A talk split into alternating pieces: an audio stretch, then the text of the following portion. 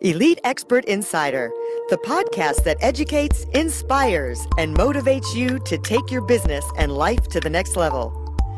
We would like to thank Audible for supporting Elite Expert Insider.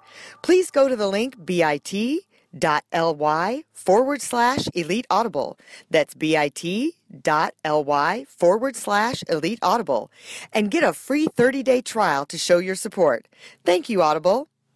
Now to Elite Expert Insider for conversations with industry leaders. Hi, thanks for joining us today. We're so excited to have you. We are going to learn about what it takes to be a successful teenage mom. So, we have a great interview lined up for you today. Um, please subscribe to us, like us, share us like a share, subscribe. Like, share, subscribe. Do those things. Do them now before we start the interview so uh, we can feel the love, okay?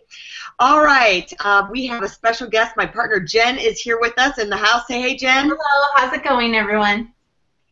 So we have a special guest, Lexi Quisenberry. Let me tell you a little backstory on Lexi. Lexi went to the Dominican Republic with us on a book writing retreat, and that's where she wrote this book. So she is going to tell us about her experience, and uh, she's going to tell us about how she wrote her book and a little bit about the retreat. And the key part of it is really going to be how she had kids, found out she was pregnant when she was young, kept her baby, had another baby, and has really been this incredible mom and her experiences that she's gone through through the whole thing that she shares with us. So, hey, Lexi, how are you doing? Thanks for being here today. Yes, it's a pleasure. We're glad to have you. So, tell us a little bit. Um, first of all, tell us a little bit about your story. We'll just get right into it. Um, your teenage years and kind of what happened, your backstory of um, your getting pregnant the first time and how old you were and the details of that. Um, well, I was actually, when I conceived, I was a senior in high school. Um, I was 17 actually when I got pregnant. Um, and my boyfriend, which is my husband now, um, Josh, he was um, 21. Um, so we were both very young. He was off in college at um, uh, College Station and uh, Blinn. Um, and um, we we were having some difficulties and we're fighting and you know we were on the actually the urge of breaking up when we found out that we were pregnant um, and uh, basically um, when I took a pregnancy test I was um, in total denial that I was pregnant I didn't think I was um, and it came back positive and I thought well, does a, a smiley face means that it's I'm not right, you know? And my friend reassured me, and she was like, "No, that's uh, that means that you are." And I was like, "Oh my god!" So I was in a, it was a total, total shock. I mean, I was I didn't cry. I think I was just in shock mode. I didn't cry, no no emotion. I was just like blank, and um, I was just like, "Okay, um, this is happening. This is real." Um, I didn't tell my parents for probably a day or so. Um, the only person that knew was um, my friend Allie, and um, so then I went on with um, telling my boyfriend at the time, which is my husband, um, and he didn't believe me. He thought that I was just, you know, being dramatic. You know how girls are; they're always thinking they're pregnant, and um, so I said, okay, if you don't believe me, then you can come down here and I'll pee on the stick in front of you and show you that I can. Um, and he was like, okay, fine. So he came down and, you know, I took another one and reconfirmed it and um, and that's when I that's how I found out. So what happened after that? What was everyone's reaction to the whole situation and your um, support system for you? Oh well, my dad didn't really take it very well. He took it actually the worst out of everybody. Um, uh, my mom took it better than better than I had thought. Um, but my dad, he was just not up for it. You know, I was going off to college in like two months. I mean, I had a apartment lease signed in um, Austin. I was supposed to go with my best friend, and we had plans, and um, you know, it just kind of didn't happen that way. And um, when um, when I told my friends and stuff, that was pretty hard because I felt kind of left out because, you know, they were all going off to college in a few months, and I, you know, my life was fixing to to change, and um, um, my boyfriend and I, um, we moved in together, and um, he told his family, and um, uh, he told his family, and his family took it pretty took it pretty well. They're actually very supportive in the beginning. My family was the one that was kind of like, you know, because I was the one that was pregnant. It wasn't him, you know. Um, and um, yeah, that's pretty much pretty much it and what happened. So, um, what were some of the things that um, got you through that period mentally that you would give advice to a young girl that was in that same situation now, even looking back? What could you Um, tell her that would, um, when she's just finding out, what would you tell her? Well, um, it's definitely not going to be easy. It's not something you can just be like, uh, you know, completely, you know, okay with. I mean, I was okay with becoming a mom. I felt like it was, you know, part of my destiny. It was part of God's plan, and I, I accepted it like that. Even though it wasn't the timing for me, it was the timing for for God, and you know, I that, I just had to trust that. Even though if it was hard, it's not what I wanted at the time. I mean, I you know, I wanted an experience going off to school and, um, you know, living, you know, a college life. Um, and you just, you got to accept God's timing. And that just, you got to learn how to do that. So, Having good faith. Faith is important. That's what helped you get through, huh? Talk about your faith a little bit. um, well, I didn't really, I mean, I grew up, um, I grew up Christian, but I in a Christian household, but I didn't really um, fully become a Christian until after I had kids. And I, I mean, I knew it's kind of like you you know about it, but you don't you know you don't do it. Like I knew about God, but I didn't you know go to church every day, and I didn't do all that. I was definitely you know sinful and all that. Um, but um, yeah, I um, I feel like sometimes you got to just kind of, you know, trust the path that God gives you, and you know, and that, and sometimes God takes certain things away for you in order to find Him. And I feel like, you know, that that was my, you know, calling was to be a mom, and that's how I found God, and that's how I found my faith, and um, you know, everything happens for a reason. And even though at the time I thought that it was just not I mean, I wasn't. I mean, I was happy about becoming a mom, but at the same time, I was scared, and I was, you know, I, I felt very left out, and I, I wasn't really happy with the timing. And, um, you know, it's just all about trusting God's timing, and, you know, sometimes He takes certain things away for for you to find them. So. Yeah. Well, um, I'm reading your subtitle here, and I want you to talk about.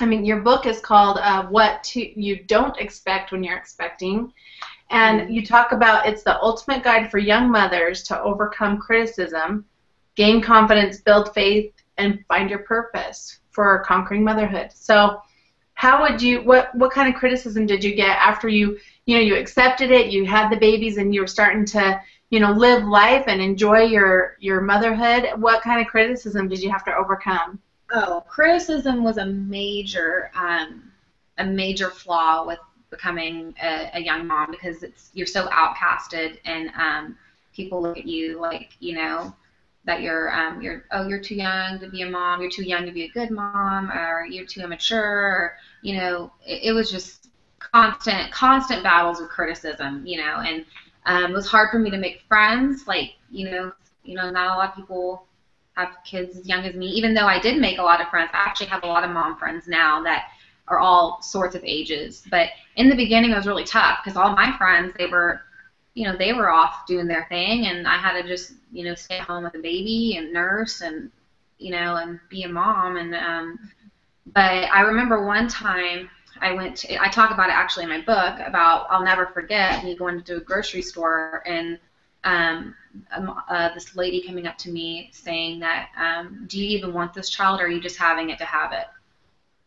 And I felt like, I mean, it really actually ticked me off. And I said, I said to her, just because I didn't plan this doesn't mean that I didn't want I don't want this child.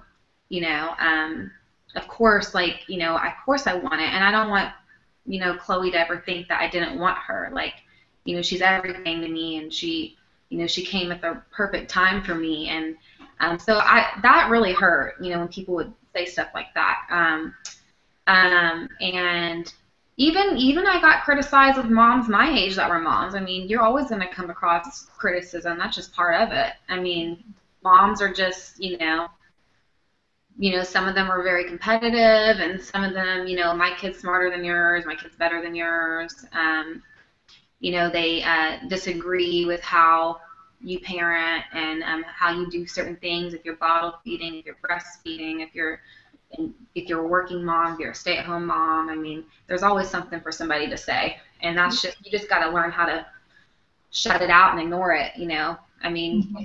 if you you know what's best for your child and you know what's best for your family. So do what you want to do and do what suits your family, not for everybody else's family. Right. So what works for you works for you. What works for them works for them. Um, but um, as far as like you know being outcasted and stuff like that, it was really hard. People would look at me everywhere, and you know. Um, you know, just you just felt uncomfortable everywhere you went. Like I went to certain play groups and I went to like took Chloe to like jamboree classes, and um, I just felt, and still to this day, I mean, I mean, I'm, I'm older now, you know, but even to this day, like my neighbors, you know, they they like, well, these people have a big house, they have a nice car.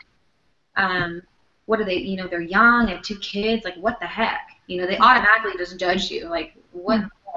So, and um, I, you know, Chloe, there's a lot of um, young kids in our neighborhood and um, you know around Chloe's age, and they don't really let um, their kids play with Chloe because um, you know we're hmm. younger, and um, I, I mean I don't know the reason why, but that you know that wasn't really fair on mm-hmm. us either. They're very judgmental about yeah. that. Um, well, what I've found is that most people, oh, everybody has an opinion, and it's it's their you know everyone. Some people express their opinions and some people don't. Mm-hmm. But what it's how we react to that opinion what really matters. Oh yeah, absolutely. Yeah. You know, I think that's what really matters, and I think it's uh, interesting because what you said about um, how you kind of just do what's good for your family, and and that's the advice that I was given too. And I, I was actually given it at La Leche League, which is a breastfeeding organization, and you know, they, we had people in there that were wanting to wean their babies at three weeks old, and we had people in there that were weaning their babies at one and a half years old. And the lady used to say, um, it's like a smorgasbord in here. So we'll give you information, and then you take that information home. It doesn't mean you're going to choose that. It means you're going to find out what's best for you and your family, and then you're going to do that. So I thought that was really good advice. Is everyone's going to have an opinion on what you choose. You just have to choose what's best for you and your family.